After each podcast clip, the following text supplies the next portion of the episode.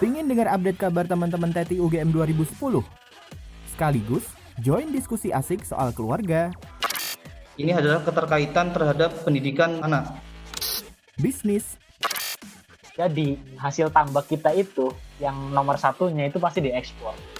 sains, Sekarang pertanyaannya gimana sih sebenarnya sains itu bekerja? hingga politik. Kalau bisa, teman-teman yang masuk di dunia politik itu harus punya financial freedom. Gabung segera di podcast Senggol on Talk. We single, you talk.